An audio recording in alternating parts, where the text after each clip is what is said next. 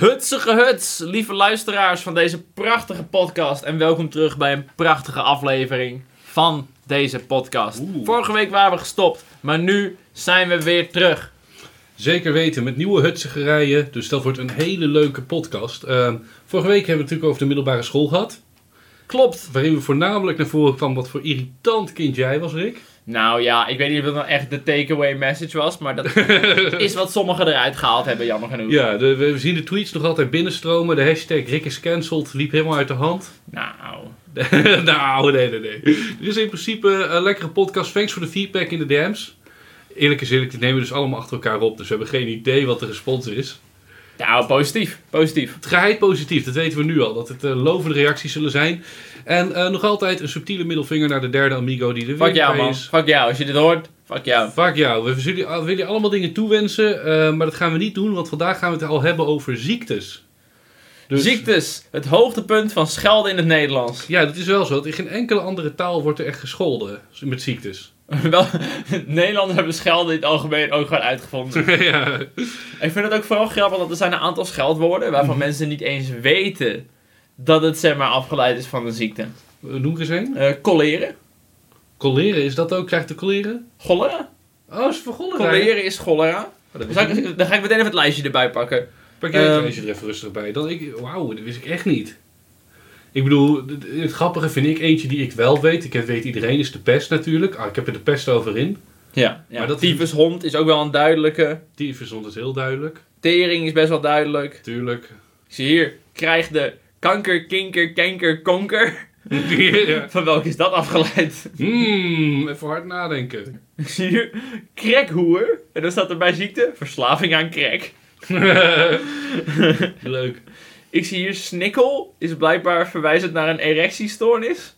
Oh, wauw. Ik zie hier, krijg koperen hartkleppen, dan kun je je leven lang de tering poetsen. Ik zie zelfs al in het lijstje, erg modern, coronalaaier staat er al in. Staat corona-leider al bij? Coronalaaier staat er al in samen met krijg corona. Oh, hij is wel up-to-date. Hij is up-to-date. Nee, ik moet zeggen dat de hoeveelheid echt dingen waarvan ik dacht, oh ja, je krijgt de takken. En takkenwijf is ook gebaseerd op een... eh, Maar takken is ook een ziekte. ja, dat is gebaseerd op... Takken, tukken, takken. Ik heb eh, dat is gebaseerd op een beroerte. Takken. Echt waar, ja? Takkenwijf. Wat dan de link is met takken. Ik dacht altijd van, van weet ik veel, een bosjeshoer of zo. Iemand die in de bossen met mannen Nee, het is een, eh, een transient ischemic attack. Een TIA staat het voor-. En dat is dus, we hebben, de attack is de takken of zo. Ik snap ook geen flikker van je. Wauw. Krijgt de takken.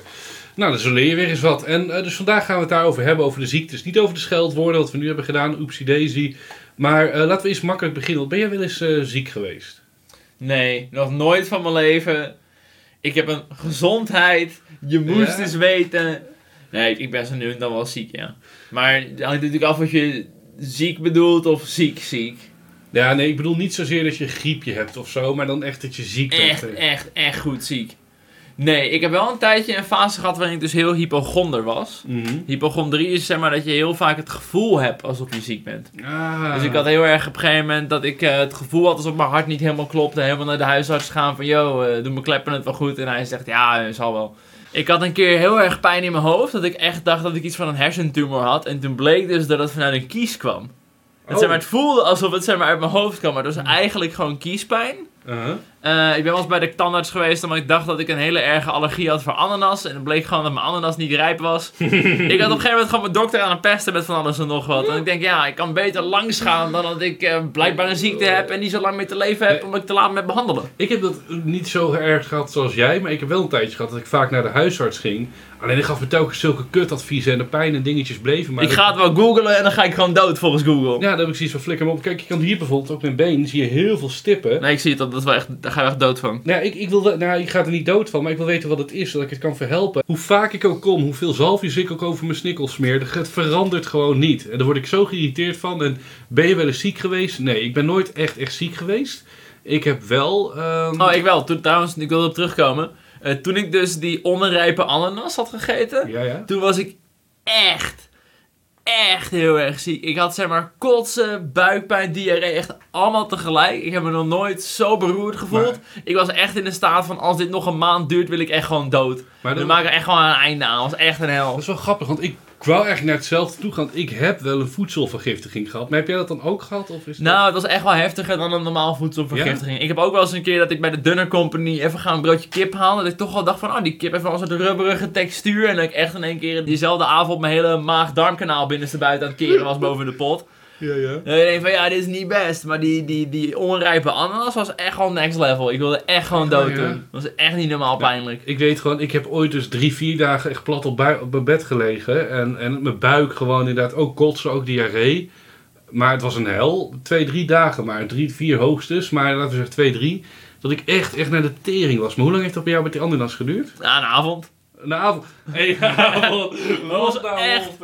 Echt heel erg kut. Ja, wie brengt het hier echt? Eh, verhaal. Ik denk, hier komt hij van een week. Ik, ik, ik, me echt nog nooit zo kut gevoeld. Het was echt gewoon een ervaring. ben je zat ook te praten over als dit een maand duurt, dan wil ik dood. Ja, nou ja, als het een maand duurde, wilde ik echt wel dood. Was ik echt wel niet te harde gang. Oh, wauw. Ja, ik, ik weet toevallig wat heel sneu is. Ik was eh, twee maanden geleden gaan zwemmen. En toen was mijn lichaam schijnbaar helemaal kapot, moe en op. En toen was ik ook laveloos. Alleen het irritante is, het heeft denk ik vier, vijf dagen geduurd. Alleen ik bleef zo lang hangen in dat laveloze gevoel... dat het eigenlijk gewoon drie weken heeft geduurd... omdat ik zo poesie ben om te zeggen van... nee, ik ben weer beter. Kom, laat ik iets doen met mijn leven. Nee, nee, nee, ik ben nog steeds laveloos. Fuck Je bent gewoon besloten dat je moe bent en dan ben je daar gewoon een beetje in blijven hangen of zo. Exact. Lekker op de bank liggen, doei. Schandalig. En eh, jij had natuurlijk vorige week, had jij misschien corona? Ik had misschien corona, de podcast is daardoor eventjes iets later gekomen. Nee, nee, nee. Het is later gekomen door de podcast awards. We waren aan boycotten, zeiden we. Nee, nee. ik zou eigenlijk maandag bijkomen voor de podcast, maar toen had ik coronaklachten. Ja. Eh, voornamelijk gewoon een kuchje en een beetje verkouden. En dan moet je je eigenlijk al laten testen. Maar er zijn sap mensen om me heen die letterlijk gewoon de hele kuch, kuch, kuch. En dan moet je je laten testen. Wow, als het volgende week aanhoudt, dan... dan ik denk van ja, dit is aan de ene kant wel een beetje onhandig. Aan de andere kant is iedereen die zich zou moeten laten testen, zich laat testen, is dat hele testsysteem weer helemaal vol. Ik eh, kon ook pas twee dagen later terecht. Ik eh, had zondagavond klachten en ik heb pas vrijdagmiddag het resultaat gehad dat ik geen corona had. Ik ben gewoon een hele week stage kwijtgeraakt. En ik heb ook echt de hele week niks gedaan met mijn leven eigenlijk. Helemaal niet het huis uit geweest. Gewoon alleen thuis op je reet gezeten. Nee, wel denk ik van ja, ik heb wel het goede gedaan. Mhm. Maar of ik er nou echt tevreden mee ben. Ik had ook gewoon eh, lekker mijn ding kunnen doen. En gewoon lekker kunnen zeggen, ah, ik ga lekker naar buiten toe. maar, gewoon maar, de, de klootzak move. maar is het gewoon eigenlijk, voor jou was het eigenlijk eh low-key, niet heel veel, stelde niet veel voor je. Je was niet bang, je was niet wat dan ook. eh. Nou ja, kijk, het scheelt natuurlijk sowieso. Ik ben hartstikke jong, dus stel ik zou corona hebben.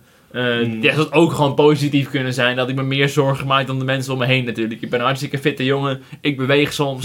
ik ga toch niet dood. Ja, true, gaat uiteindelijk dood trouwens. Ik ga, ik ga wel uiteindelijk dood. Ja, dan kun je nog zo fit en eh, fantastisch zijn. Dat kan ik je garanderen. Uiteindelijk ga ik dood. Maar ik ga niet echt vanuit dat ik binnenkort dood ga door corona. Nee, dat dat het uh, dader zal Het ging meer, zeg maar, om... Ja, ik, vooral mijn stageplek is op een middelbare school. Dus ik kom met heel veel mensen in contact.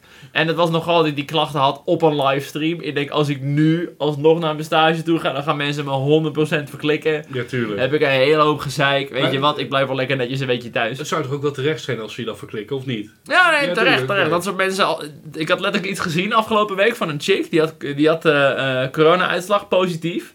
En die had in een Facebookgroep geplaatst... heeft iemand nog een, negatieve uitslag van die datum. Van ja, kut man, ik wil even op eh, werkreisje of zo. Heeft iemand nog een negatieve uitslag, dan wissel ik ze gewoon om.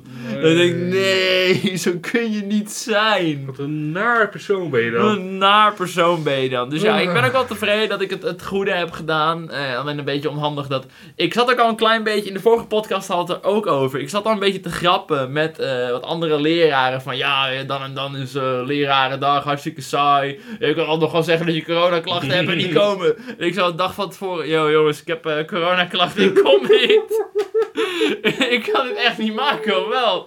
Ze denken echt dat ik gewoon even een weekje op vakantie wil of zo. Ja, jongens, ik heb coronaklachten. Yo, la- la- de ballen, laat ze niet vallen. Doei. Fucker neef, doei. Terwijl ik vond dat werk heel erg baal. Ik had voor maandag echt allemaal lessen voorbereid en shit. Oh, wat zonde man. Allemaal niet door. Wat eeuwig, eeuwig zonde is dat. En je wilt het nu toch over school hebben en zo. Heb je dat eens echt gedaan alsof je ziek bent? Nou, ik heb één keer En waarom? school gedaan alsof ik ziek was. Maar dat was een ingewikkeld verhaal. Ik voelde me daadwerkelijk ziek. Mhm. Dus ik dacht, ik hoef morgen niet naar school. Ik had die dag een Duits SO. Dus ik had al ingezet, ik ben morgen ziek, ik hoef niet te leren. Toen opeens werd ik de volgende ochtend beter wakker. Ik dacht, ja, godverdomme. Ik ga geen 1 halen voor Duits. Nee. En ik voelde me nog steeds wel een beetje kut, maar niet kut genoeg. En toen heb ik dus geprobeerd in die kleine pauze voor Duits om op de wc's en mijn vinger in mijn keel te steken. Om mezelf te laten kotsen, zodat ik de toets niet hoefde te maken. Eh, niet gelukt. Blijkbaar nog best wel moeilijk om jezelf te laten kotsen. En toen eh, wel helemaal rood aangelopen. Toen ben ik gewoon alsnog dat zeg maar, verpleeghokje ingelopen. met, Ja, ik voel me niet zo lekker. Oh, ik voel het helemaal warm en zo. Hoppa, dan naar huis toe. Goed. Oh, Fuck Duits SO. Meteen even daarover. Toen nog een kleine terugkoppeling naar de middelbare school. Ik had altijd zo'n fucking chick in mijn klas. Hm. En als ze niet goed genoeg geleerd had voor het toets wiskunde, dat ze dat ik gewoon acht halen of zo. Dan melden de ouders er gewoon altijd ziek. En ik vond het zo fucking naar. Dat ik zei van, Oh, ik zit hier echt te stressen voor mijn zes een dag Ja. van tevoren. En die ouders, nou meld je gewoon ziek en haal je volgende week een tien. Ik vond het zo fucking oneerlijk. Dat is kut, ja. Gewoon ouders die gewoon ziek melden gebruiken om je kinderen hun cijfers te boosten. Ik moest het zelf doen, hè. Mijn ma, die was echt gewoon, oh, je voelt je gewoon beter gewoon naar school toe. Ik wil je echt diarree zien hebben terwijl je aan het kotsen bent. Wil je thuis blijven, Het jongeman. mooie is ook, de mensen thuis horen alleen jouw stem. En ik zie jouw mimiek hierbij. Je bent gewoon bijna in Echt een staat. passie. Ik, ik, ik wil je stoel weer neerzetten, anders gooi je hem door het raam heen. Dit is echt niet normaal. Ik vond het echt oneerlijk. Echt oneerlijk. Ja, het grappige is, ik heb hetzelfde gehad bij mijn ouders. Die waren ook heel structureel. Van, als je niet ziek bent, ga je gewoon naar school toe. En ik kan me bijna niks herinneren. Ik heb heel vaak gedaan alsof ik ziek was. Het is me nooit gelukt. Echt, ik had het ook wel vaak. Ik gewoon dacht, weet je wat, ik ga gewoon proberen of ik ziek ben. En dan, Ja, Wat heb je dan precies? Ja, mijn hoofd en mijn buikie. Hmm, voelt niet fijn.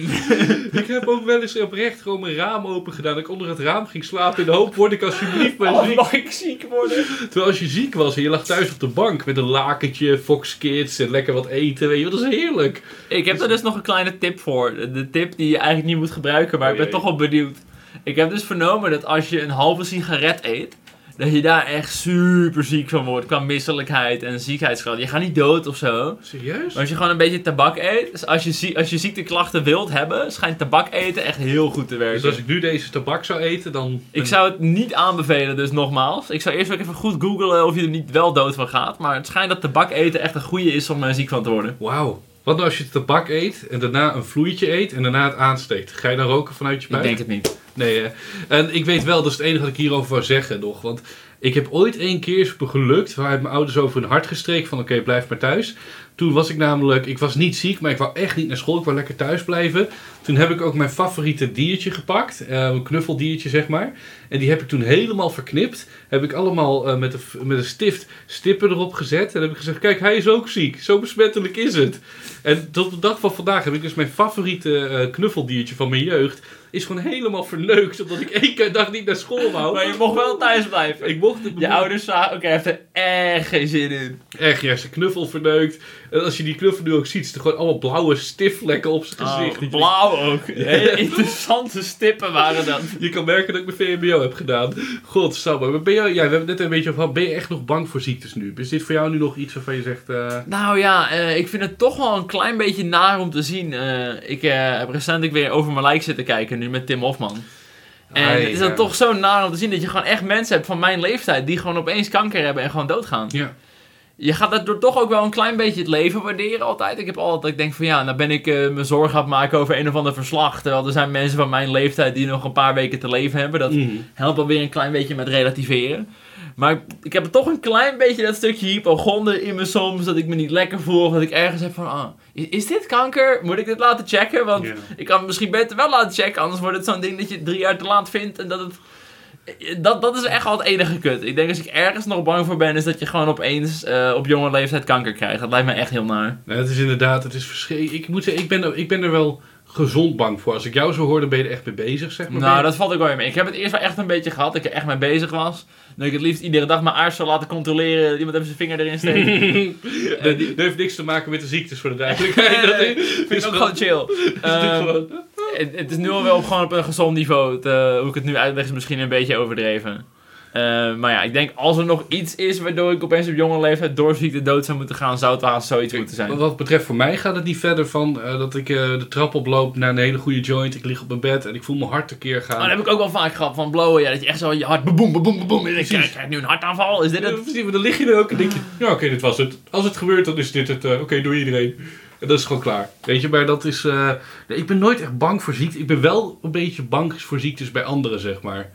Dat ja, oké. Als ik ook denk, bijvoorbeeld net over corona, wou ik ook nog zeggen. Als, als, als ik corona zou hebben, zou ik het niet eens zo erg vinden voor mezelf. Ik zou het eerder kut vinden dat ik mijn moeder niet meer kan zien. of Nee, nee, kunnen. Dat- precies, precies. Dat, vind ik is. erger dan dat ik corona heb. Jij voelt eh, niet echt het idee dat je doodgaat van corona. Nee, ik ben er niet heel erg bang voor. Ben je wel onder het mes gegaan ooit of ook niet? Eh, toen ik eh, drie was, hebben ze mijn neus aan mannen verwijderd. Echt waar? Ja, dat is de enige keer dat ik ooit onder een mes ben geweest. En verstandskiezen trekken.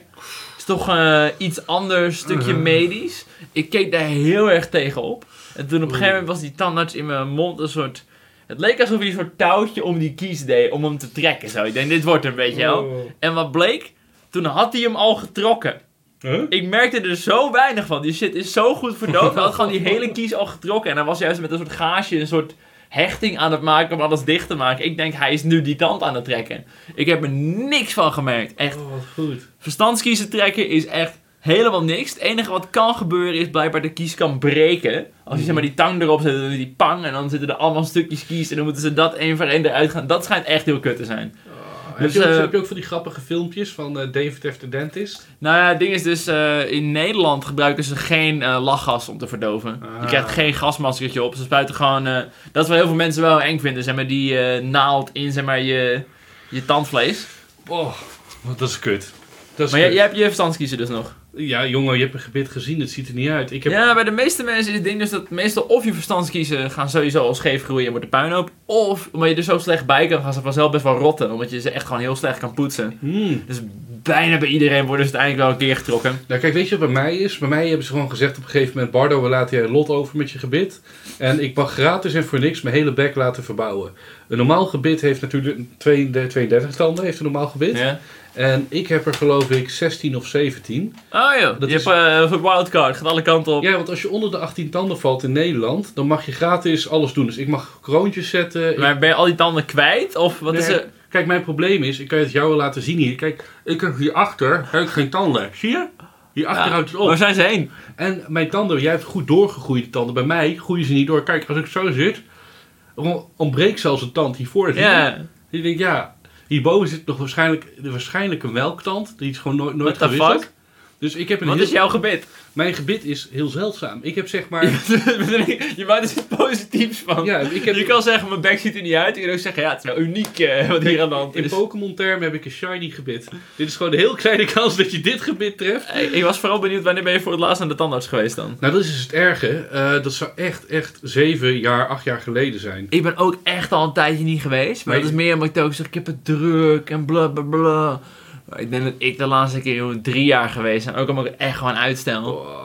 Ja, het, het voelt niet Nee, dat- belangrijk, maar het is wel belangrijk. Ik ben trouwens wel recenter geweest, want ik heb die verstandskiezer nog laten trekken. Dat is de laatste keer dat ik geweest ben. Dus dat Oh. twee, twee jaar geleden denk ik alsnog. Maar ik heb wel eh, al lang al eh, die herinnering gehad van... Hé, het is tijd voor je halfjaarlijkse controle. Kom je nog langs? Ik zo, boh, boh, boh, andere keer. Ik moest dus ook, want ik zag dus laatst dat ik bij mijn verzekering een aanvullend pakket heb. En dan mag ik dus eh, vier keer per jaar naar de tandarts. Ik wist dat al die tijd Dus je niet. betaalt daar gewoon voor. En ik heb mijn moeder ook opgebeld. Ik zei, welke tandarts zit ik? Ja, je zit bij die. Dus ik bel die tandarts op. Zeiden ze, sorry, wie ben jij? Bardo Ellens, ik ben bij jou ingeschreven. Huh? Bardo, ik ken je nog van de basisschool. je leeft nog. Ik dacht je een andere tandarts had. Nee, ik had gewoon geen zin meer. Help. Dus nee, dat is echt, echt een drama geweest. En eh, nee, want qua, operaties hebben we dingen die ben ik onder het mes gegaan.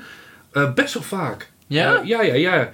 Eh, sowieso voor mijn penisvergroting. Dat was een nee. nee Verkleining verkleining bedoel ik. Verkleining. Zei ik vergroting? Oh jezus. Dat was een misverstand. Nee, eh, ze noemen mij niet voor niks een halve Surinamer. Dus het punt is een beetje voor mij. Ik ben geboren. Logisch. Ja. Maar Met of zonder keizersnee. Was dat de eerste... Nee, nee, dat, is, dat zijn mij opensnijden in plaats van mijn moeder. Ja, dat is dat Nee, ben- de eerste opera medische Nou, ingreep dus, zijn. was ik maar via de keizersnee, want ik lag verkeerd. En schijnbaar, door het persen van mijn moeder, is mijn schouder gebroken. Dus bij mijn geboorte... What the fuck? Ben je geboren met een gebroken schouder? Ja, dus ik ben zo geboren omdat als je schouder gebroken is, dan gaat je nek zeg maar naar rechts staan. Dus mijn hoofdje zat vastgeknoopt aan mijn rechter schouder. En zo moest ik eigenlijk al voor het eerst alleen Zo maar naar begon het eigenlijk. Ik ben de eerste drie jaar van mijn leven ziek geweest. Er is een soort gang van mensen die nog nooit een bot gebroken hebben in hun leven. Ik ben, ik ben lid van de nog nooit een bot gebroken gang. Nou, als je zo doorgaat... En jij kwam echt gewoon het leven gewoon binnen met gebroken botten al. Exact, de eerste al. Gewoon dat je denkt, als jij zo doorgaat met opscheppen, dan breek ik een pot van Oh, je. bro, ik ga nooit wat breken. nee, ik heb wel mijn pink ook gebroken ooit een keer. Daar baalde ik van. En dat is eigenlijk het enige. Mijn schouder en mijn pink. Dat valt wel mee. Maar de me- grote medische ingreep, je hebt dus de eerste Ja. drie maanden van je lichaam flinke zorg moeten hebben voordat... Ja. eh Precies, de eerste drie jaar van mijn leven was ik doof. Dus kon ik niks horen. En daar hebben ze mijn oren ooit een operatie voor gedaan. hebben ze het opgeplakt toen.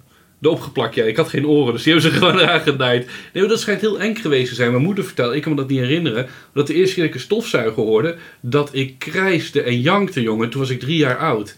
Ik ken geen geluiden, dus toen ik die stofzuiger hoorde, schrok ik met de tering. Maar die hoorde je dus wel, of hè? Niet, niet. Nee, na mijn derde heb ik pas voor het eerst geluid gehoord. Oh, dus toen je drie was, schrok je van een stofzuiger. Ja, precies. Omdat mijn oren waren zo dicht met, met oorsmeer, puk, weet ik veel wat. En hebben ze een mini-operatie. Eh godsamme, ik Maar weet... wanneer kwam je ma erachter dat je die kon horen dan? Dat weet ik... Oh, zou ik moeten vragen? Dat weet ik echt Dan niet. zou je ook een soort taalachterstand hebben. Ik, ik merk het al een beetje met je praat nu natuurlijk, maar het spraakgebrek, ja. Godverdomme. ik geloof dat de eerste drie jaar wel een beetje punt is waar je zeg maar, de taal ontwikkelt. De belangrijkste dingen leert, Ja, ja. Nee, dat, en ik weet eentje, de derde die ik wil benoemen. Voor de rest zijn er misschien meer geweest. Maar dat is een hele enge geweest. Dat ze met een eh, buisje door je pielenmuisje, hé, dat rijmt, door je pielenmuisje gaan. Heb je dat? Eh, dat was toen de tijd om een blaas te testen, hoe dat allemaal functioneerde. Oké. En dan zeiden ze heel duidelijk, het kan tintelen, maar niet plassen, want het is dure apparatuur. Dan, nu is het aan jou, Rick, de vraag, wat denk jij wat ik heb gedaan met dat buisje?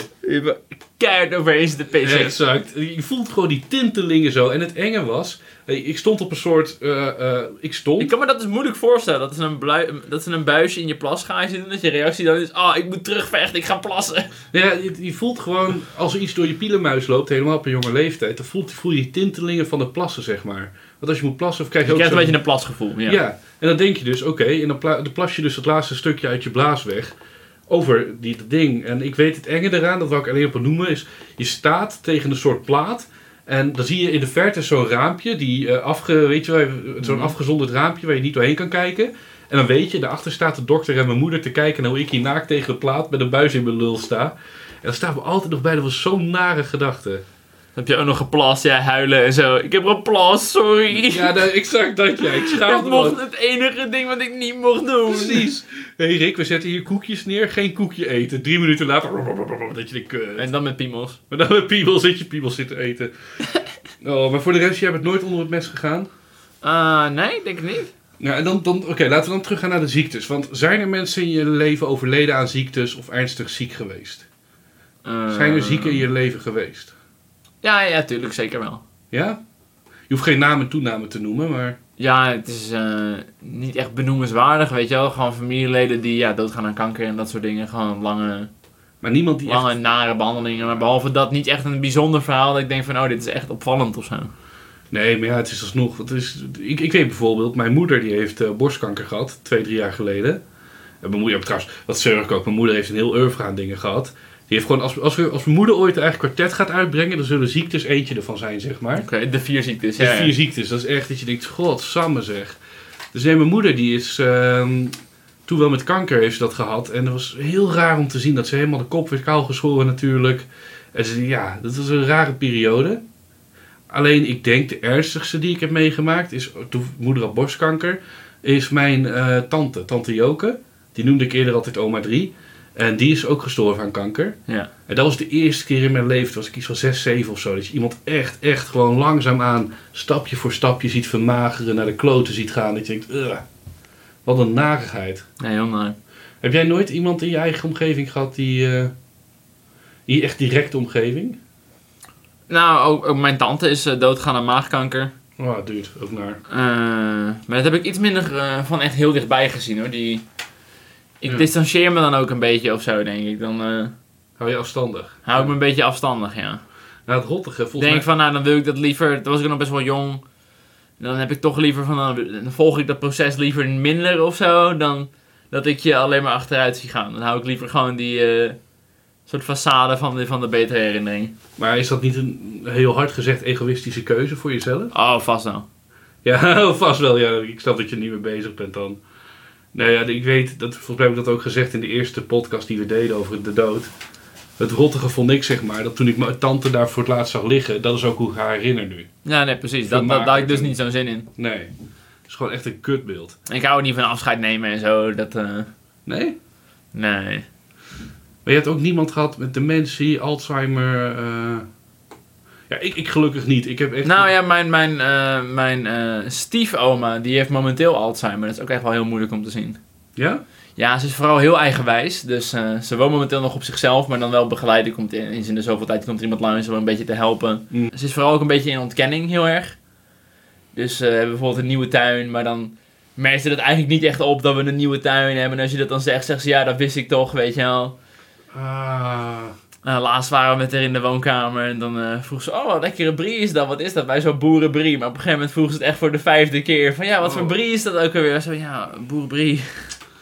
Dus het is best wel moeilijk om. eh, aan de ene kant is ze dus wel nog. eh, ja, ze kon er best wel vlot over en ze kan gewoon een beetje een babbel maken. Maar Maar ze is gewoon fysiek heel sterk, alleen mentaal dan is het. ja, ze is gewoon, ze is gewoon eh, mentaal heel erg aan het aftaken en ook heel erg in ontkenning daarvan. Dus eigenlijk willen we er nu eh, uit huis plaatsen naar een soort. Hier bij ons in de buurt hebben we een soort kleine huisjes voor eh, oudere mensen. Dat ze ook continu eh, toch op zichzelf wonen, maar wat meer onder supervisie zijn. Ja. Maar zij, zit, zij gaat er ook heel erg tegen in. Ze wil dat echt totaal niet.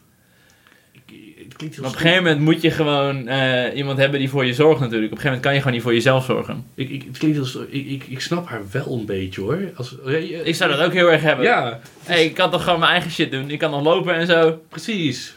Ah, wat kut man. En ook voor haar. Maar zij kan echt zeg maar vergeten te eten een hele dag. Dat soort dingen. Serieus, ja?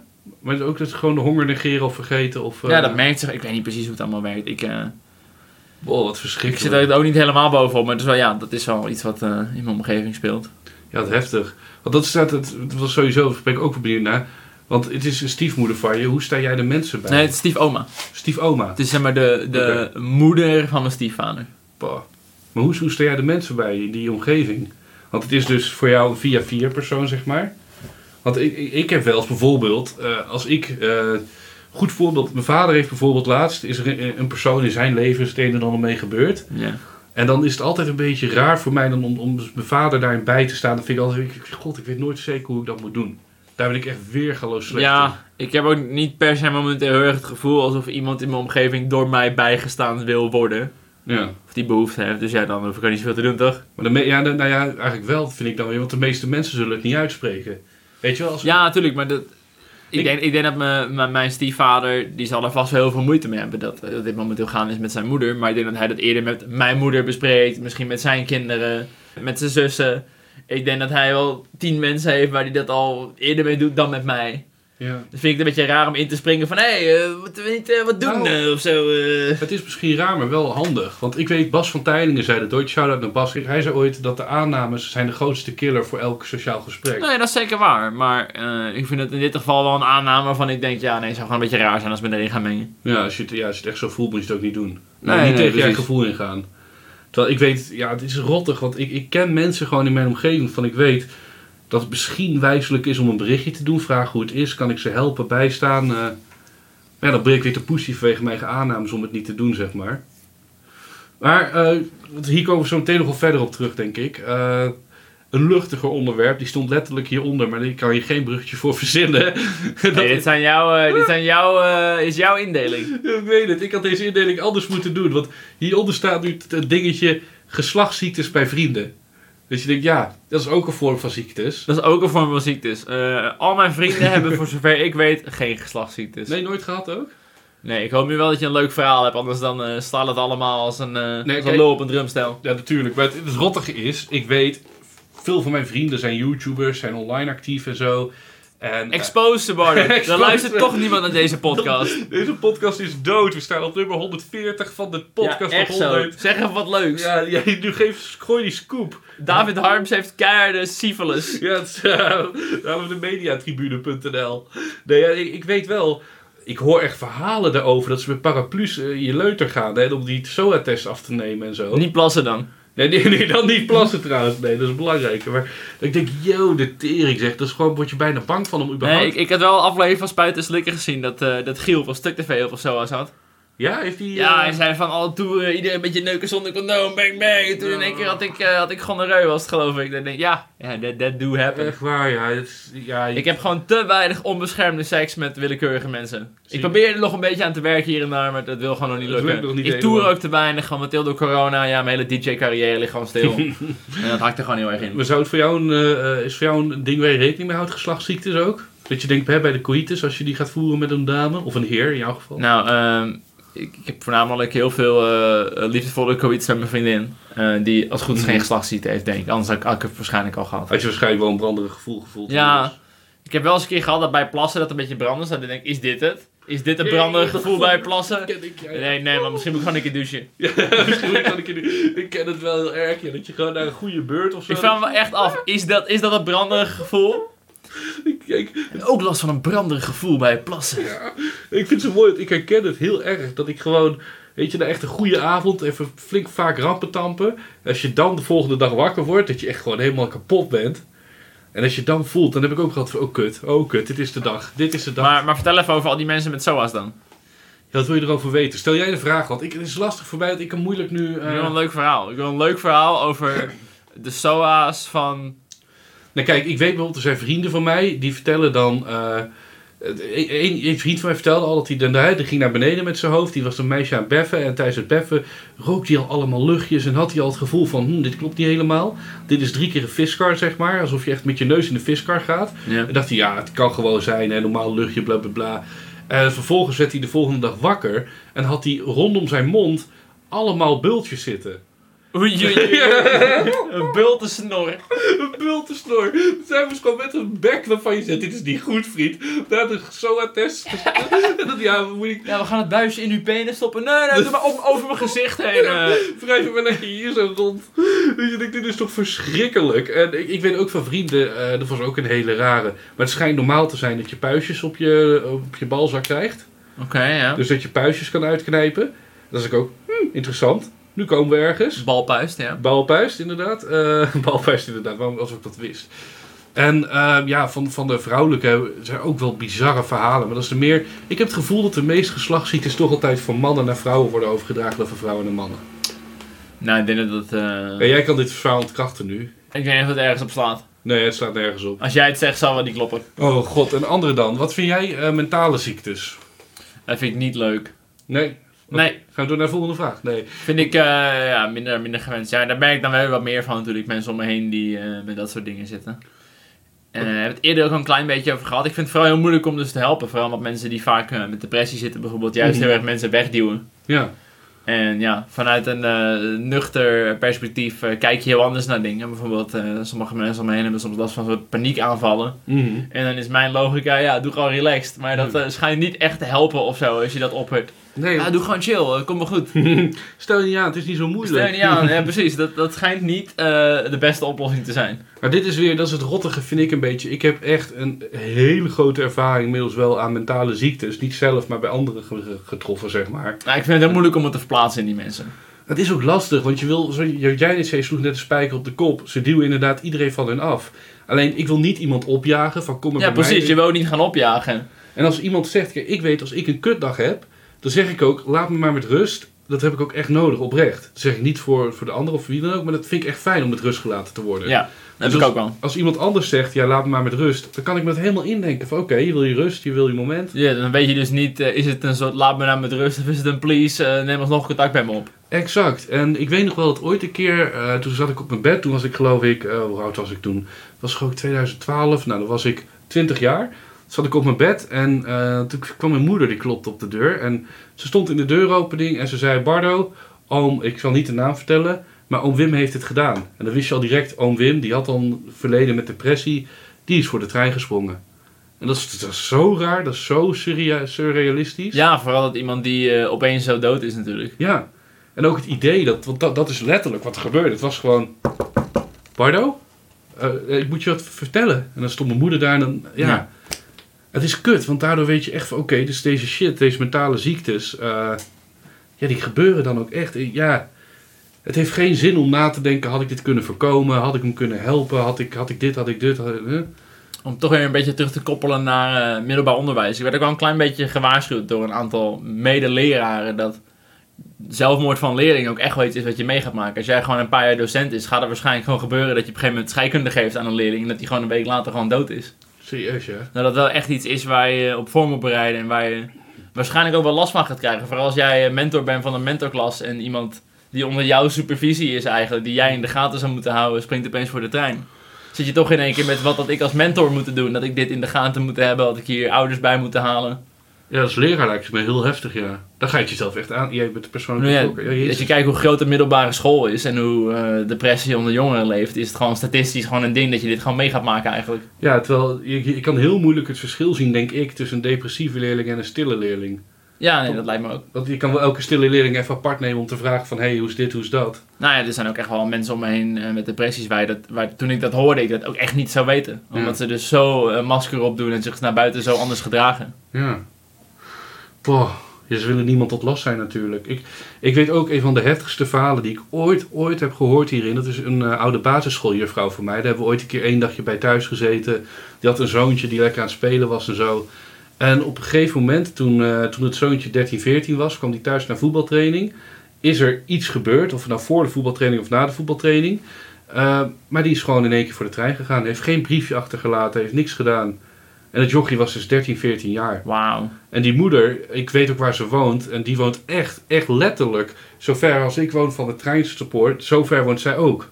Van het treinspoor. Dus die heeft alles meegemaakt in volle naad. Dat je denkt, oh, die heeft geen antwoorden van de zoon. Het is heel spontaan. Hij was niet verdrietig of zo. Dat zegt niemand in zijn omgeving. Ja, dan zit je ook nog eens met dat hele mysterie van wat is er gebeurd natuurlijk. Exact. En als je dan lijkt me zo'n hel, als je de volgende dag dan aan het kamertje van je zoon binnenkomt en alles staat er nog, weet je wel. Ja, nu zou het Fortnite en Minecraft zijn. Ik weet niet wat het destijds was, maar ja, daar was ik wel echt, echt even stil van. Ik dacht, yo, de tering. Dat iemand gewoon zo, nou impulsief was het eigenlijk, dat hij dan keuze maakt.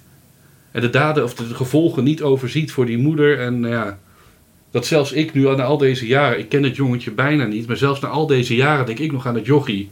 Met de gedachte van, yo, wat ging er door zijn hoofd om? Ja, het is toch een beetje een cliché dat ze zeggen zelfmoord is een, een eindeloze oplossing voor een tijdelijk probleem. Mooi gezegd. Maar eh, hoe gaan we dit weer terugkoppelen naar iets eh, vrolijks? Uh, Heb je Ja, ik- heb je nog iets Ik over weet niet of je zo? vanaf hier zeg maar weer de draad een beetje op wil pakken. Nou, Gooi, ja, dit, gooi er nog eens zo in principe zitten we nu een beetje te zeggen, ja, dit is heel kut. Maar we komen Ja. ook niet echt met een oplossing of zo. Nee, dat, dat is er ook niet. Het is, het is wikken en wegen. En ik, ik, ik zou heel graag willen dat hier een concrete oplossing voor was. Want ik ben ook laatst in eh, de kliniek geweest natuurlijk. Ik een tijdje, tien dagen gezeten. En dan kom je er ook achter dat verslaving is ook natuurlijk een mentale ziekte. Alleen dan iets anders. Hè, vind ik Ja. wel niet zo heftig als een depressie. En ik, heb wel eens gedacht, kijk het fijne is gewoon, of het kutterige is gewoon als jij je, je been breekt of zo. Doe je een operatie, zit je twee weken thuis en ben je er vanaf.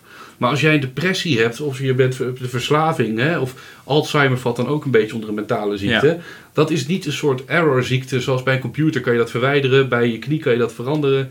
Maar mentaal ge- gezien, dan moet je er echt in Ja, het fixen is veel moeilijker. Precies. Dat vooral ook heel erg is met medicatie. Zeg maar, bij een been is er gewoon een soort vaste procedure. We doen dit, we doen dat, been gefixt. En bij depressie is er niet gewoon, we geven je deze medicatie en het werkt. Het schijnt echt zo te zijn dat bij sommige mensen moeten ze echt door tien verschillende soorten medicatie heen. En soms werkt het dan nog steeds niet. Het is zo bij ieder persoon anders. En wat vooral ook heel interessant is, is dat er is toch een soort taboe op Mhm. mentale ziektes. Als jij je been breekt, is het gewoon, oh je hebt je been gebroken, kan gebeuren. Ja, Dat is meer iets waar jij geen controle op hebt. En sommige mensen hebben het idee dat bij mentale ziekte dat op een of andere manier je eigen schuld is. ja. Dat mensen toch een soort schaamte hebben daarvoor. Dus het is heel, een- depressie wordt niet gezien als een gebroken been, zeg maar. Die ja, worden door mensen heel anders opgevat. Wat jij zegt over die schaamte, daar ben ik het wel heel erg mee eens. Want ik, ik weet van die kliniek ook, iedereen die ik daar sprak, die had heel veel schaamte.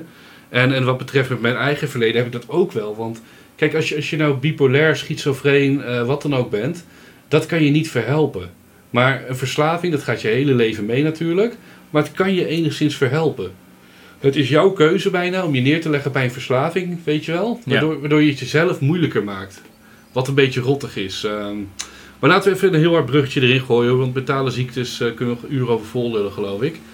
Eh, nu ben ik benieuwd, pas jij je leven aan om ziektes te mijden? Dus, dus hè, van Red Bull krijg je suikerziekte, roken krijg je kanker, vlees krijg je kanker, et cetera, et cetera. Eh, nou ja, ik, ik rook niet eigenlijk.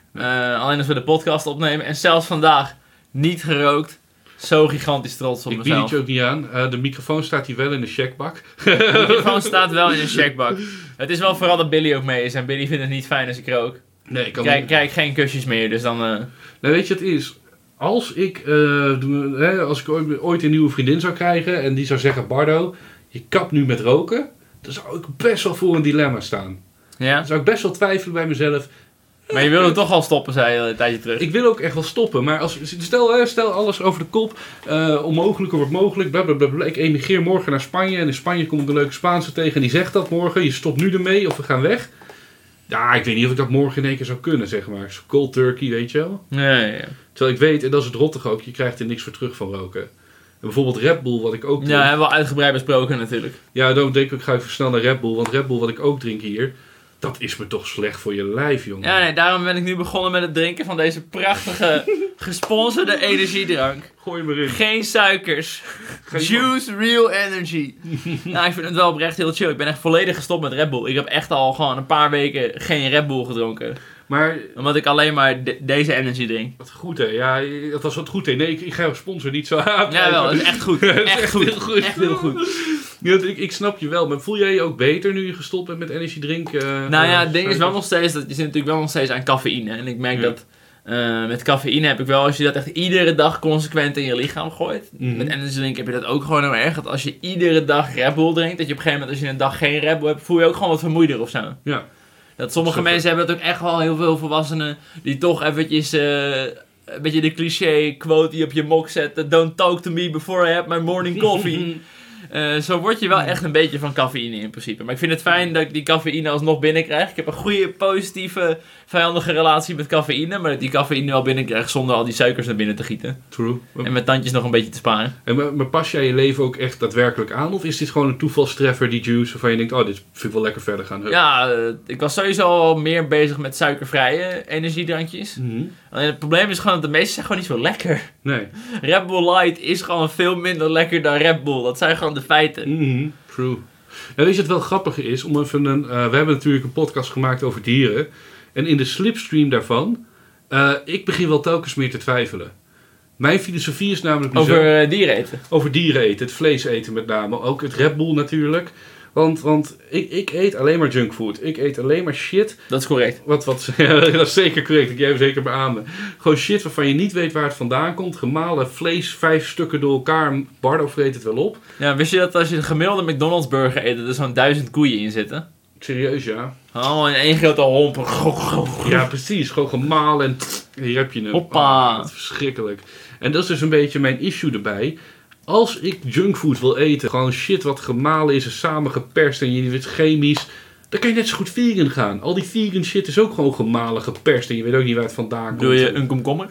Ja, nee, ik bedoel vegan dus eh, van die vervangingsvoedsels, van die veganistische Ja, sojablokjes en dat soort troep. Exact, dat is ook allemaal bagger shit uit de fabriek. Ik, dus voor mij zou het hetzelfde moeten proeven, zeg maar. Allebei is gewoon bagger shit gemaakt uit de fabriek. Alleen bij vegan is het iets gezonder en dan ga je vet kleppen, je hart kleppen. Nou, ik zou zeggen, probeer het. Je kan ook gewoon een beetje 50-50 doen. Een beetje van beide. En dan eh kijken hoe het bevalt. Ik heb nu ook inmiddels een boek gelezen van Vroeger aten we dieren. Ja, heb je hem gelezen? Ik heb hem gelezen en... Heb je hem liggen? Heb ik hem mee? Nee, nee, ik heb het audioboek, zeg maar. Ah. Dus je mag wel mijn story tellen. Ik geef je zo het wachtwoord. Het is Yes, ik mag op Bardo Storytel, bitches! Get wrecked, mate. En het is oprecht ook interessant. Ik geloof er zo in dat wat wij doen met dieren nergens op slaat. En je, je wordt er alleen maar ziek van. Ja, dat is het ook. Ik probeer zelf ook eh, echt wel minder vlees te eten momenteel. Ja. Dus een beetje terug te komen op je vraag over wat doe je om eh, gezond bezig te zijn. Ik ben echt wel actief bezig met eh, bewegen. Ik probeer echt eigenlijk bijna iedere avond wel een wandeling te maken. Mhm. Ik probeer minder suikerige drankjes naar binnen te gooien. Veel water drinken, vooral ook gewoon hele gezonde. Ja. Minder roken. Ja, iets van om gewicht in het algemeen. Ja, Ik doe een soort van mijn best, maar ja, het kan altijd nog gezonder. ik kan altijd nog Het gezonder. kan Ja, altijd nog gezonder, maar ja ik, het fijne voor mij is, qua drinken hoef ik alleen Red Bull eruit te gooien. Want mijn favoriete drinken ja, dan, is ben je, dan ben je zo ver al. Als je gewoon stopt. Ik zie letterlijk hier op je kamer een tray Red Bull staan. letterlijk een tray Red Bull. Als je die gewoon door de play spoelt en gewoon iedere dag eh, anderhalve liter water drinkt, dan schiet je al zo erg op qua gezondheid. Ja, het water vind ik echt het allerlekkerst. Water is ook gewoon chill. Ja, maar waarom doe jij dan nog eh, de juice in je water buiten je sponsor? Nou, ik hou ook wel van, eh, van water met een smaakje, maar ik drink ook niet de hele dag alleen maar, alleen maar juice. Ik drink juice en water voornamelijk. Juice en water. Water is met juice, nou ja. In principe is, is dit gewoon water met een smaakje, dus ja. Ja, dat- oh god man. Ik, ik vind altijd zo raar als mensen zeggen ik vind water niet lekker. Want water is godverdomme lekker, stel je niet aan.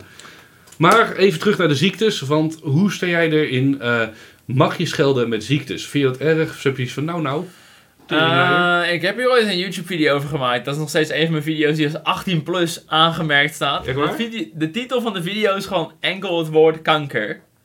En het is een klein betoogje over eh, schelden met kanker, waar ik eigenlijk een beetje twee kanten van, eh, van de bezigheid belicht. Volgens mij heb ik ook letterlijk een video die alleen kanker heet. En ik denk, Yeah, dat zijn de goede video's. Oh, we hebben dezelfde mindset, Rickert. Daarin zeg ik eigenlijk, ja, aan de ene kant vind ik het eh, onnodig dat mensen het zoveel gebruiken. Ik haal aan de andere de, de overtreffende trap erbij, weet je wel, leuk. Mhm. Leuker, leukst, kankerleuk. het is een beetje een soort overtreffende trap. En het is wel een krachtig woord, weet je. Het komt vooral door die, door die K-klank. Het is gewoon een krachtig woord. Eh, dus ik snap ook wel dat mensen ermee schelden, maar... Aan de andere kant snap ik ook wel dat mensen het niet fijn vinden als anderen Mhm. schelden met kanker. Maar ik denk, je kan ook overdrijven hoor. Weet je, het is een hele nare ziekte, dat weet iedereen. Eh, het is niet dat ze tegen die mensen zeggen van ja, ik ken iemand eh, die is overleden. En ze denken van wow, oh nee, dat wist ik niet. Het is niet alsof je met een super zeldzame ziekte scheldt. Ik denk beide kanten moeten een beetje rekening houden met elkaar. Aan de ene kant moet je niet in iedere zin proberen zo vaak mogelijk het K-woord erin te proppen. Aan de andere kant, om nou iedere keer dat iemand het zegt meteen beledigd te gaan Ja. doen, is ook niet echt nuttig. Ik doe het zelf niet. Maar dat is vooral omdat ik mensen die schelden met kanker altijd heel dom over vind komen. Vind je dat, ja? Als jij heel vaak het woord kanker gebruikt in een argument, Ja, heb ik niet het gevoel van, oh, deze man heeft een punt of zo. Als je het heel vaak gebruikt, niet nee, maar je kan het wel een keer uitvloepen. Ik, ik scheld er zelf wel mee natuurlijk. Ik, scheld jij ermee? Echt totaal, eh, heel soms heb ik nog wel eens een beetje fases gehad dat heel veel vrienden het allemaal doen. Dat ik dan een beetje in meega, omdat ik gewoon zwakke, geen ruggraat heb. Eh, maar over het algemeen echt niet. Ik kan me nog één keer herinneren dat ik mijn krantenwijk liep in de winter. Mhm. Helemaal in mijn eentje, zes uur s morgens over straat. Hele fietstassen vol met kranten. Die Oh. fiets valt zo bam. Ik zo, ah, kanker! dat was ook echt gewoon het zuivere passie. Maar over het algemeen is dat niet iets waar ik mee scheld. Eh, sowieso niet in video's en streams, omdat ik toch weet dat mensen daar ja, gevoelig Oh. over zijn. En het is ook niet echt nodig, vind ik. Ja, ik zag laatst ook zo'n goede TikTok, die heb ik ook getweet. Dat een meisje dan op Google leest van, oké, auw, dat deed pijn. Auw, dat deed pijn. En dan vervolgens loopt ze door de kamer en dan stoot ze de teen en dan roept ze direct, ah, kanker. en ik denk, ja, zo ben ik ook. Dat ik weet, als ik mijn teen hier zo stoot, is het gewoon, auw, dat deed pijn. Maar op de een of andere manier roep ik gewoon direct, ah, kanker. Ik ben ook gewoon super hypocriet. Dat ik scheld wel met alle andere dingen. eh tyfus, aids, vind ik altijd wel weer een leuke. Ook als een soort krachtwoord, om ook weer een klein beetje controversieel te doen of zo. Eh, heb ik toch een beetje het idee van ja, aids krijg je nog van onveilige seks, terwijl kanker krijg je iets minder door je eigen schuld. Dus heb, je dat al, heb je al opzicht. een keer met corona gescholden? Ja, ik vind met corona schelden echt cringe. Ja, Gaan ik we niet aan beginnen. Krijg de corona. Krijg de corona. Nou ja, kijk, het punt is nu een beetje dat, dat eh, vind ik in ieder geval, door de angst die anderen hebben bij het woordje kanker, wordt er zoveel kracht gegeven aan het woordje kanker. Dat is het, precies dat. En dat, dat maakt het een soort koning speciaal scheldwoord. Kanker staat echt op Nou ja, vooral hoogte. dus als je het niet te vaak gebruikt. Mhm. Als je het heel af en toe gebruikt. Als je alleen scheldt met kanker, als je echt heel boos bent. Dan krijg je het wel echt in één keer kracht. Dat is waar. Dan krijg je het echt in één keer... Ik scheld nooit met kanker. Dus als ik in één keer zeg, ja, kanker maar op met je kankerzooi. Ik als Dan laat het wel een soort indruk achter. hartverzakking, jongen. Ik zat bij mijn ouders thuis. Ik weet niet meer wat er gebeurde, in welke zin het werd gezegd, maar mijn vader zei het. Nou, ik schrok me dood. Ja, precies. Als je het bewaart voor dat ene speciale moment... Precies. Dan kom je in één keer onverwachts uit de hoek. Het is een beetje alsof dit, dat, eh, die, dat democratische kind uit de klas, dat die een geweer mee naar school. Je zegt, wow, die republikeinen schieten iedereen af, maar jij neemt een geweer mee. Dat is raar. Waarom neem jij? Eh, ik, Ik, ik, bewaar, ik bewaar mijn K-woord voor eh, speciale gelegenheden. Familiefeestjes en zo. familie. Dus we gaan de volgende vraag is dus letterlijk, hoe ga je om met kanker als scheldwoord? Ja, het boeit me allemaal niet zoveel, behalve dat ik het zelf niet zoveel gebruik. Dus. Ik heb dus wel altijd, ik heb wel eens bij mensen dat ik het mogelijk uit zou vloepen. eh, en dan zou ik vraag ik altijd direct, oh shit, hoe sta je er tegen? Vind je niet erg? Oké. dat- Eh, vind je kanker erg? Nee, nee. Oké, dan is het goed. ja, want er zijn gewoon mensen, dat vind ik wel, ik vind wel als je het ongeluk eruit vloept, uit respect moet je het direct vragen aan iemand van, hey, vind je het kut, vind je het niet kut? maar dan maak je er meteen zo'n ding van. Ja, maar het is Misschien toch kun je gewoon- beter gewoon meteen even een m- m- mentale notitie maken van, weet je wat, ik doe het niet nog een keer. En dan gewoon het daarbij laten in plaats van checken van, hey, is het goed met kankerschat? Ja, oké, nee, dan eh, kanker weer door. Ja, nee, ja, dan kan ik er weer mee door. Je hebt gelijk, je hebt gelijk, het is beter om het gewoon uit je vocabulaire te Ik eh, verwijderen. ben niet zo'n fan van het dan meteen gaan benoemen, eerlijk gezegd. Ja, maar het is toch ook wel netjes. Ik weet van mezelf dat ik het best nog wel... Jij kan het misschien wel beamen, hopelijk doe je het niet. Dat ik het best wel vaak in een gesprek laat vallen, het woordje kanker. Kanker vaak zelfs. Ja, ja, precies. En dan is het beter om het te vragen, denk ik, dan het dood te zwijgen. En na, na afloop te horen dat iemand het niet fijn vindt, snap je? Ja, dat is ook wel weer warm. Eh, en dan ben ik even benieuwd, hè. Want, want eh, jij bent ook wel bekend met de stellingen van Nietzsche. Nee. Nietzsche, nou ja, Nietzsche is de grote Duitse filosoof. Ja, die ken ik. En eh, hij heeft natuurlijk het boek Beyond Good and Evil geschreven. En te- toen de, in de tijd van Beyond Good and Evil was medicatie upcoming. En eh, kort gezegd had Nietzsche een kutleven. En Nietzsche vroeg zich heel erg af eh, hoe het zou zijn als je ziektes weg kan halen of emoties weg kan halen. Dus stel je bent heel erg ziek. Zou het dan ooit kunnen zijn dat er een medicijn komt waardoor je ziekte weg is? Nou, tegenwoordig is dat natuurlijk. Dat bestaat. En stel je hebt heel veel nare emoties. er zou een medicijn voor kunnen komen. Eh, Drank, ja. ja, ja, drank is een goed medicijn. Nee, stel, dat tegenwoordig antidepressiva is al een beetje daar. Mhm. Maar, maar stel je, als je je verdrietig voelt, dat je dan een soort paracetamolletje kan nemen en je voelt je niet meer verdrietig. ja. Zou je dat dan nemen en zou, je, het- zou, je, zou het mogelijk kunnen zijn? Want ik vind het zo'n interessante stelling van Nietzsche.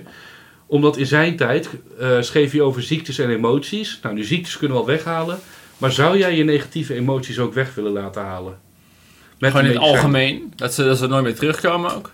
Ja, dat ze nooit weer terugkomen. Dat je gewoon, eh, hè, want als je kanker hebt, kunnen we daar iets tegen doen. Als je nu verdrietig zou worden, kunnen we daar iets Nou ja, tegen doen. bijvoorbeeld het ding is wat je heel vaak hoort van antidepressiva. Is dat sommige mensen denken, oké, weet je, ik voel me gewoon chill. Als ik nu Mhm. antidepressiva neem, voel ik me nog chiller. Daar word je gewoon blij van of zo. Ja. Dat is gewoon een soort happy pill. Eh, maar zo schijnt het niet te zijn. Het schijnt juist heel erg te zijn dat je heel erg met je uitgedoft, verdoofd wordt. Hoor ik van heel veel mensen juist. Dat Ja. antidepressiva niet zozeer ervoor zorgen dat je je minder kut voelt, maar meer dat je in het algemeen minder voelt. Ja.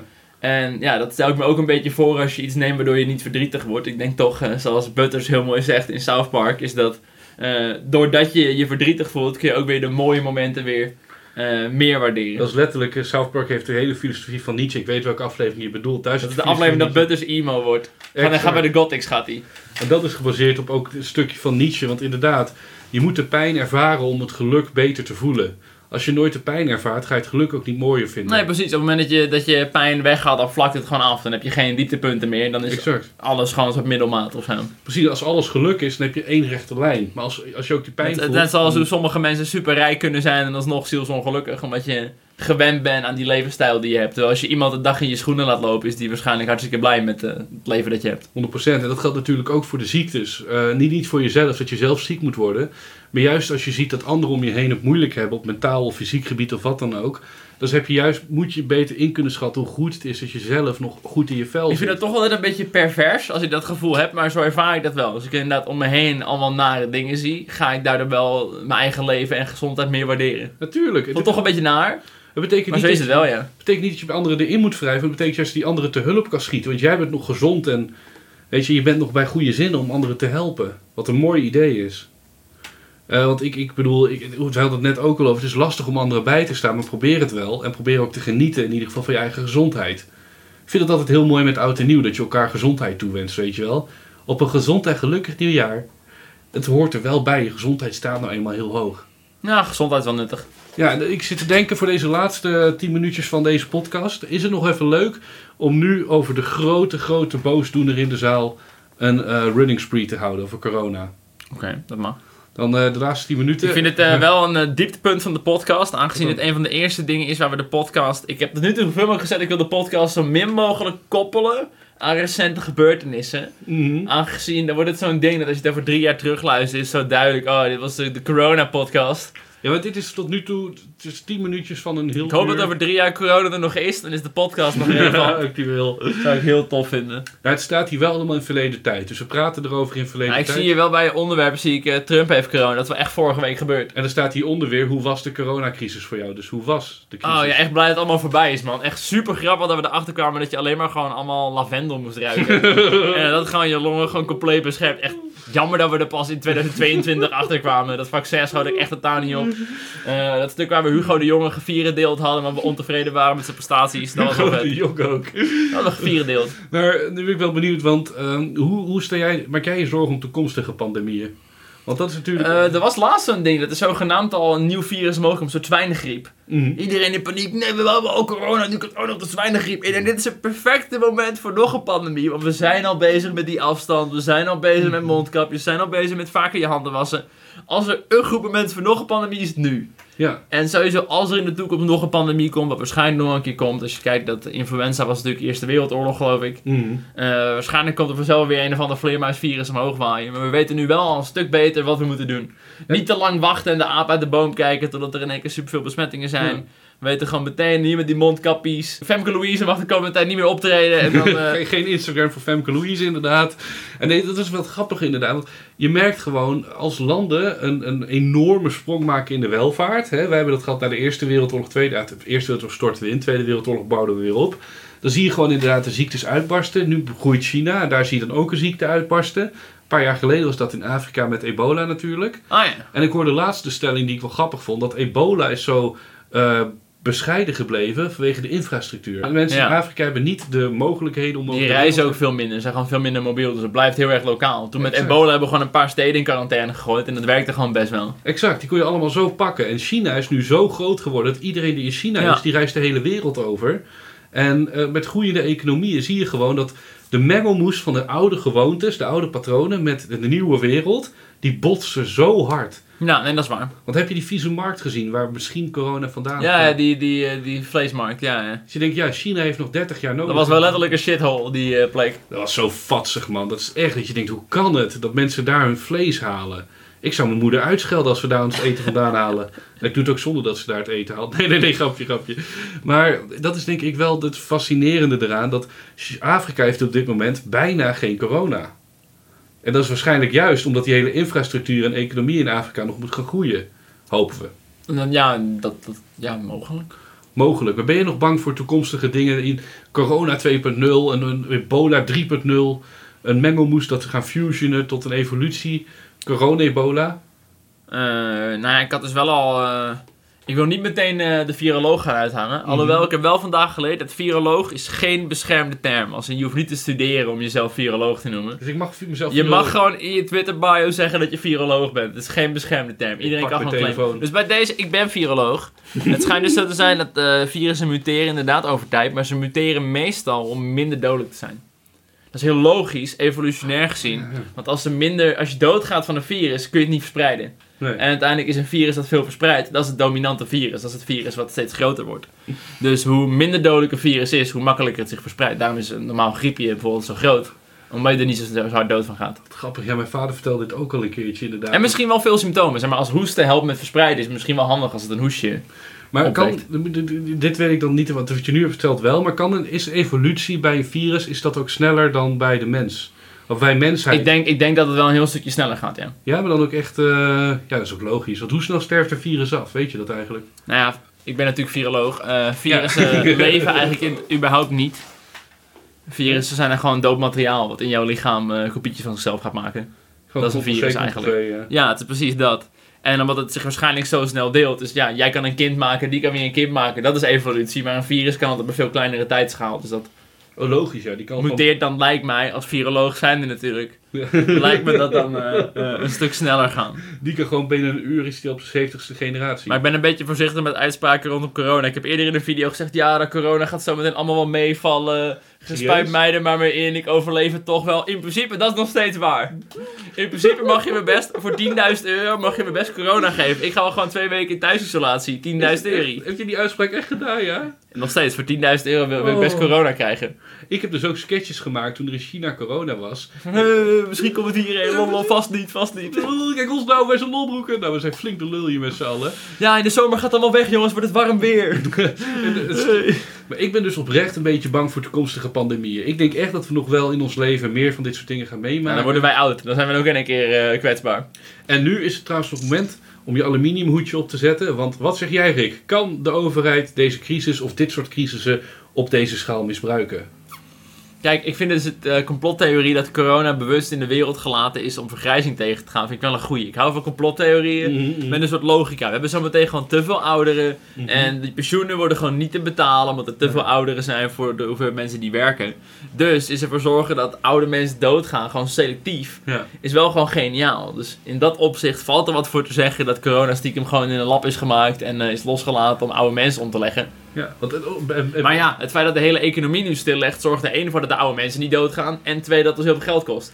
Dus netto heeft het nou niet echt geholpen om de economie te redden. Om alle oude mensen dood te maken. maar want ze leven nog en de economie ligt stil. maar misschien in deze chaos is, is er ruimte voor de overheid om wetten er doorheen te drukken die ze anders niet Nee, dat is wel eh, echt, dat schijnt ook echt zo zijn in sommige landen dat het ook echt wel zo gebruikt wordt als excuus.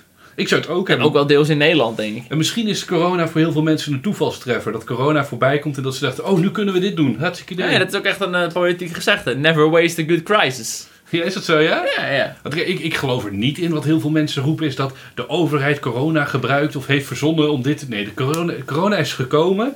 En ik denk dat in het slipstream daarvan mensen denken van... Hé, hey, misschien kunnen we shit er doorheen persen. Maar ik heb niet het gevoel dat het zo erg misbruikt wordt als dat je ziet bij die poontgekkies. Weet je, als je Nee, nee. één video van Poont aanklikt, dan zie je echt een heel Malieveld vol gekken. Dat je denkt, jongens, jongens, jongens. Het is wel een beetje onhandig dat corona ook gebruikt wordt om die mensen de mond te snoeren. Weet je, het demonstratierecht gaat gewoon een beetje weg, want je mag niet meer demonstreren, want dan ben je met een te grote groep en dan Ja. corona. En het is ook wel onhandig dat die viruswaanzinnigekkies allemaal elkaar aan het knuffelen zijn, geen mondkapje op hebben. Dat je denkt, ja, als je nou netjes op anderhalve meter afstand een veld in beslag neemt, valt er nog wat voor te zeggen. Had je dat meegekregen van Tilburg nog? Tilburg? Dat daar aan- in plotseling is Tilburg eh flinke corona-brandhaard uitgebroken. En eh, dat was vorige week met die Willem II supporters, dat ze daar allemaal stonden te juichen. Dus er is gewoon een goede kans dat door die Willem II supporters, dat één iemand daar corona heeft, of had, die heeft gewoon flink staan juichen toen met die goal. En die, daardoor heeft nu iedereen daar waarschijnlijk corona gekregen. En wat ik nog wil zeggen voor de conspiracy dingen als backbone voor die van jou, is natuurlijk het verhaal van de Amerikaanse overheid die AIDS heeft verspreid. Dat is gewoon waar natuurlijk, het is niet eens een verhaal. Is dat bewezen inmiddels al? Geen idee. Oh, ik denk al. Dat, was, dat schijnt toch gebeurd te zijn, dat ze dat in Afrika hebben verspreid aids eh, om de bevolking tegen te gaan. Eh Bardo, daar heb ik me niet over ingelezen, daar ga ik geen uitspraak over doen. Bij deze heb ik dit nooit gezegd. Dan als laatste aluminiumhoedje dingen, vond ik het even leuk, nog de antivaccinatiemensjes. Wat zeg jij? Oh, ik dacht je gaat het over hebben over Trump heeft corona. Ik had er echt net zin in. Oh, je nog Trump heeft corona? Ik mag wel. Je ging net zo hard dat ik dacht, Ja, wat ik dus cool vond is eh, niet zozeer Trump, op een gegeven moment had Bolsonaro van Brazilië, die had corona. En Boris Johnson. En Boris Johnson, echt wereldleiders krijgen allemaal corona. Maar alleen de rechtse wereldleiders. Rechtse wereldleiders krijgen corona. Dat Dus- is het. Geert Wilders, mijn voorspelling, binnen drie weken. Het ding was dus, Bolsonaro had corona. Toen was hij genezen en toen had hij nog een keer corona. Hij heeft twee keer corona gehad. Serieus? En eh, is mijn theorie daarachter was gewoon dat het sowieso de eerste keer gewoon verzonnen was. Gewoon zeggen dat je corona hebt. Een dag later zeggen, ik ben weer genezen, het valt allemaal wel mee, griepje. Oh, serieus? Hij was natuurlijk al heel erg in die corona-ontkenningsfase. En dan is gewoon fake news zeggen dat je corona hebt en dat het allemaal wel meevalt. Is een geniale manier om ervoor te zorgen dat mensen niet zo bang zijn. Ja, maar zou het ook voor Trump... Zou, Dave, verdenk jij Trump ervan dat dit nep is? Nou, ik denk niet dat het momenteel een goede publiciteitsstunt is voor Trump. Nee. Aan de ene kant, hij is er wel snel weer uit. Mensen dachten, gaat hij dood, gaat hij dood? En nu is het ongeveer, ja, hij komt morgen weer naar buiten. Dus het lijkt echt wel heel goed met die man te gaan. Mhm. Eh, ik denk niet dat het voor Trump heel goed staat. Als hij net zegt, ja, we hebben die crisis onder controle, binnenkort zijn we er van af. En opeens Mhm. heeft hij zelf corona. Dat geeft mensen misschien nog wel meer het idee van, ik, niemand is veilig of zo. Ja, en hij heeft natuurlijk Biden flink voor lul gezet in het eerste debat. Met zijn mondkapje. Ja. Biden loopt rond met wel zo'n groot mondkapje. Je kan zijn gezicht niet zien. Ik draag hem niet. En je denkt, ja, oké. Niet handig, Trumpy Trump. Papa Trump. hè. Maar als ik Trump was en ik zou corona hebben, zou ik het proberen stil te houden eigenlijk. eh. Ja, maar weet je wat het ook kan zijn? Misschien wil hij gewoon allemaal van die medelijdenstemmen binnensleupen. Nee, je gaat niet stemmen op een gast omdat hij corona heeft. Nou, misschien wel dat hij minder campagne heeft kunnen voeren. Dat het zieliger was. Ja, Eh, ik twijfel of ik om wilde stemmen en toen kwam hij net zo ready toe. Nou, dan stem ik maar gewoon op hem. En weet je wat ik het erger vind trouwens? Even buiten corona om. Racisme. Racisme is heel erg. Goed dat je erover begint. Jongens, welkom, Pest bij, ook. welkom bij de nieuwe podcast. We gaan dit een half uur verlengen. Nee, nee, maar ik vind gewoon zo raar dat Trump zo vitaal is, terwijl Biden zo oude lul lijkt. Ik heb ook echt bij Trump het gevoel dat hij gewoon, die gaat corona wel verslaan. Als Biden corona zou hebben, heb ik echt het gevoel van, oh Biden, dat, daar ga je. Nee, ik zag laatst een foto van Biden op een fiets, dus ik voel hem wel. Je voelt hem wel. Dat is een soort Trump is juist echt een risicogroep. Die gast is dik, eet ongezond, hij is oud. Ja, maar heb je, heb je dat eerste debat gezien of niet? Ja, ik heb het eerste debat keihard... Was fucking grappig, man. Ik heb echt zitten al lachen maar heb je ook live debat. meegekeken? Ja, ik heb live meegekeken. Dat was echt fantastisch. Maar je zag gewoon dat Biden komt niet uit zijn woorden. Hij vergeet heel veel dingen. Het is gewoon de arme, echt voel bijna toch dement aan dat je denkt, ja sorry man, dit is Ja, niet... het wordt eh, wel een keer eh, meer Amerikaanse politiek dan ziekte misschien, maar... ja, wat, eh, leuk. Hier- Biden 2020, hij is misschien seniel, maar niet debiel. had, jij voor, had jij bij de vorige verkiezingen, had je dan op Hillary gestemd of Trump? Echt, e- echt zo'n third sandwich versus eh, eh, vagina douche. Ik had dus echt op Trump gestemd. Ik heb bij beide verkiezingen heb ik echt iets van waarom moeten de democraten nou zo'n drol naar voren schuiven? Waarom iedere keer van die debielen? Waarom niet gewoon een goede, sterke kandidaat? Waarom nou weer Hillary Clinton en Joe Biden? Waarom deze mensen? Het erge is dat Hillary Clinton verloor in 2008 van Barack Obama. En bij de vorige heeft ze eigenlijk verloren van Bernie Sanders. Alleen de democraten hebben Bernie Sanders weggemoffeld en gezegd, nee, Hillary wint. Ja, ik denk dat als Joe Biden nou gewoon, nu zijn we wel gewoon volledig politiek aan het doen. Als Joe Biden nou gewoon verkiesbaar was in het jaar dat het Hillary versus Trump was, in Mhm. het eerste jaar, ik denk dat hij dan wel gewonnen had. Mensen Ja. hebben echt een hekel aan Hillary. En toen was Biden vast nog een stukje scherper. Het is nu vooral echt wat heel erg tegen hem werkt, is dat hij gewoon echt heel oud en vergeetachtig overkomt. En wat kut is, is dat Trump zich heeft bewezen. Trump heeft zich aan de afspraken gehouden. Hij heeft de baan omhoog geholpen. Hij Nou, het is ook wel duidelijk dat hij nu gaan we heel erg de politiek in, dat hij heel veel dingen zegt die hij niet nakomt, geen plannen heeft voor een hoop dingen. Het is toch een beetje net als Geert Wilders in Nederland, gewoon, dit is ons partijprogramma, oké, maar hoe ga je het doen? Ja, dat weten we nog niet. Maar ik bedoel meer van, je je hebt twee cv's van Trump. Je hebt het cv waarvan je zegt, je hebt echt alles compleet verneukt. Je hebt Black Lives Matter, alles achter je aan. En je hebt een soort cv bij Trump waarbij hij heeft bewezen Hij heeft wel een paar dingen gedaan, ja. enigszins capabel te zijn. Wat Hij, is een muur aan het bouwen en shit. Oh god, maar we kunnen een keer over politiek praten. Is Nee, nee, dat kost ons alleen maar luisteraars. Eh, laten we het dan als laatste nog antivaccinatiemensjes. Wat zeg jij? Gedogen verbieden of boeien? Eh, misschien is het interessanter om te zeggen. Stel, er komt zo meteen een coronavaccin. Mhm. Verplichten of niet? En misschien een soort middenweg. En hoe zie je dat voor je? Ja, ik vind dat wel eng. Ik, ik weet niet of ik direct een coronavaccin in mijn leuter zou duwen. Ik denk dat toch heel veel mensen zoiets hebben van ja, maar misschien, eh, het is vooral een tijdschaal dingetje. Misschien blij dat je na vijf jaar ziek wordt van het coronavaccin. Mhm. Nou weet ik niet heel veel van, van biochemie, maar ik ben natuurlijk wel amateur-viroloog. Ja. Eh, ik stel me voor dat hoe een vaccin in het lichaam werkt, Mhm. Dat het bepaalde biologische wegen activeert, dat je niet opeens na vijf jaar ziek kan worden. Voor mij is dat Ja. niet hoe vaccins werken. Dat je in één keer omvalt. eh, Dat je opeens vijf jaar later omvalt, dat er een soort tikkende tijdbom in je met lichaam autisme zit. waarschijnlijk. Eh, maar ik snap wel dat sommige mensen denken, weet je, ik vind dat vaccin misschien gevaarlijker dan die ziekte. Dat als ik hem krijg, dat ik toch eh, een, een beetje snotneus heb en dan kan ik weer door. Vooral als je jong bent. Dat je toch denkt van ja, misschien is het vaccin wel gevaarlijker dan degene waarvoor je hem probeert te... Ja, maar ik, ik vond het wel een mooi metafoor van eh, iemand vertelde het ooit aan de hand van domino-steentjes. Elk domino-steentje moet ingeënt zijn, anders als je één domino-steentje eruit Ja, dat haalt. is de herd immunity. Je moet iets van... Ja. Nou, ze hebben een redelijke discussie over hoeveel procent dat nou exact is, maar het ligt meestal wat dik boven de 80. Het is net als met die corona-app. Mhm. Als niemand de corona-app gebruikt, hebben we niks aan die fucking corona-app. Hoe ik het voor me zie binnenkort, is dat ze, als die vaccins er zijn, gaan de evenementen weer open. Je mag gewoon weer naar festivals, maar zonder vaccin ben je niet welkom. Ik denk dat dat is hoe ze het gaan, eh, gaan eh, doordringen. Ik vind Dat jij gewoon niet welkom bent op grote evenementen met grote groep mensen als je niet in laat enten. Om op die manier dus een reden te geven om het wel te doen. Want als ze zeggen, ja, kijk maar of je het doet, 100% vrijblijvend, kijk maar lekker waar je in gelooft. Dan zijn er echt te veel mensen die het niet doen. Dus we moeten toch op een manier mensen een beetje prikkelen. Maar dan, dan forceer je toch ook gewoon... Dan forceer je het best hard. Het is geen boete, het is geen celstraf. Maar als jij nog lol wil hebben in je leven, dan moet je je laten vaccineren. Maar dat is zeg maar letterlijk, Trump heeft nu niet ons in een, of Trump, eh, Rutte heeft ons niet in een lockdown gedaan, maar een soort soft lockdown. En dan is dit ook, dit is geen verplichting, maar een soort soft verplichting. ik denk dat dat is wat ze gaan doen, want anders gaan mensen het gewoon niet doen. Nee. Als ze zeggen, ja, kijk maar of je het doet, dan... Maar wat zou jij doen? Wat zou jij doen? Nou, als het volledig optioneel is, maar de overheid zou wel zeggen: please, please, please, please. Ehm, ik vind het ook al moeite. Moet ik helemaal een afspraak maken? Moet ik er helemaal heen? Ik ben echt lui, gast. Wij zijn gewoon luie donders. Als ze zeg maar zeggen: gast, bro, je krijgt 10 euro, dan zou ik al om zijn. Dat is net, Ja. net zeg maar dat ik denk: oh, moeite, moet ik me Maar laten injecteren. Andere, andere vaccinaties krijg je ook niks, weet je wel? Ja, maar daar kreeg ik dus van dat ik geen rode hond kreeg en zo. Ik, val jou wel aan, maar ik doe het zelf ook niet. Ik zit zelf ook te twijfelen. Nee, ik heb al die andere vaccins heb ik veel minder zeggenschap over gehad. Was gewoon, yo Rick, dan en dan moet je daar zijn, je krijgt een prik. Als ik een brief zou krijgen van de overheid waar Mhm. staat, we hebben voor jou alvast een afspraak gemaakt, dan en dan moet je daar zijn. Niet als je niet komt boeten of zo, maar gewoon, hé, hey, dan en dan daar je vaccin. Dan kom ik ook gewoon. Zou je dat doen, ja? Als het, je hoeft me niet te dwingen, maar gewoon zeggen, joh, dan en dan is het. Wees er please even bij, dan kom ik ook gewoon. Maar als ik mezelf aan moet melden online met mijn digi-ID en dan is waar kut. is het dichtbijzijnde vaccinatiepunt? Denk ik, ah, fuck, Ja. dit, dit duurt lang, man. Als ze gewoon morgen aan de deur komen met die spuit, nou, steek hem er maar in, John. Ga verder met je leven. Ja, toch, alles wat we net hebben besproken is juist animo geweest eigenlijk om wel dat vaccin zo snel mogelijk te nemen, als het er is.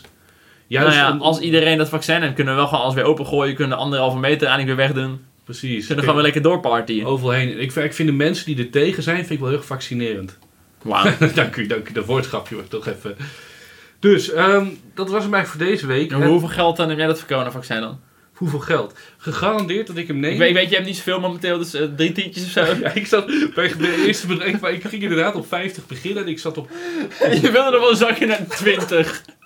ik, ik ging juist even naar de 100 en ik dacht voor 100, 100 Weet je, maar oké, dit is wel een kutvraag, jongen.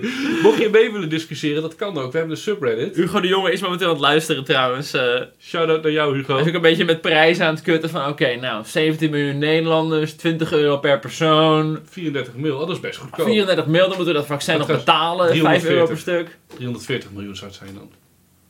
Nee. 20 miljoen, Oh, ja, ja. 17 man 340. Ja, 340 miljoen hebben ze wel hoor. Ze kunnen best wel iedereen 20 euro betalen voor dat coronavaccin. Volgens mij was die influencercampagne die ze deden al 340 miljoen, dus... Nou, allemaal naar Ice Cube, ja. Allemaal naar Ice Cube. Wat mooi die verspreking ook. En onze subreddit, die heet Wat de Neuk podcast? Of gewoon Wat de Neuk? Bro, ik heb oprecht geen idee wat subreddit heet. Wat ik ga opzoeken. We willen memes We willen- op de subreddit. En je we kan willen de discussie aangaan. Dus stel je wil ergens een steentje aan bijdragen, even zeggen... De subreddit is reddit slash wat de neuk podcast. Aan elkaar. Goede memes, discussies, eh, foto's van Hugo de Jonge eh, die gevierendeeld wordt. Die gevierendeeld wordt. Oh, Eh, wat dachten jullie van foto's van Hugo de Jonge gefotoshopt op naakte vrouwen? Wil ik ook weer eentje van voorbij zien komen, minimaal. Als je het vaccin neemt, mag je seks met me, staat er dan bij als caption. Ja, dan zou ik het dus wel direct nemen. Als, je, Hugo dan- de Strakke. als je gewoon zegt, hé hey Bardo, als je dit vaccin neemt, mag je één vrouw naar keuze. Nou, oké. Kom maar op hoor. Zet Voor wie maar kies je dan? Voor wie ik dan zou kiezen? Waarschijnlijk zou het een... een eh, ja, je moet niet te hoog inzetten, want dan wordt het niet fijn voor haar. Eh, ik zou voor Jinek gaan. Oh, nu ga je me uitlachen dat ik even van Jinek kies. Ik kies respect. Voor wie zou jij gaan Ik dacht dan? dat je on topic Irma Sluis ging zeggen. Irma Sluis. Heeft die vlotte handjes. Ja, maar die maakt geen geluid. Die doet alleen gebaren tijdens de seks. Dat je, die, die zegt wat ze wil. Oké gebaren. jongens, dankjewel voor het Nee, luisteren. nee, Het gaat nee, helemaal nergens meer heen. Ik wil kappen, ik wil weg, ik wil weg, ik jij wil gaat weg. die nu ook beantwoorden. Jij beantwoordt hem nu ook. Daarna mag je weg. Ik wil graag seks met mijn vriendin hebben. Ze Ah. kijkt zo hoopvol en blij naar me. Ah, wat een romantisch antwoord. Maar ik, nu denk ik tenminste bij mezelf. Wat, Wat een een leuk. leuk. Tot volgende week. Dag. Yo, yo.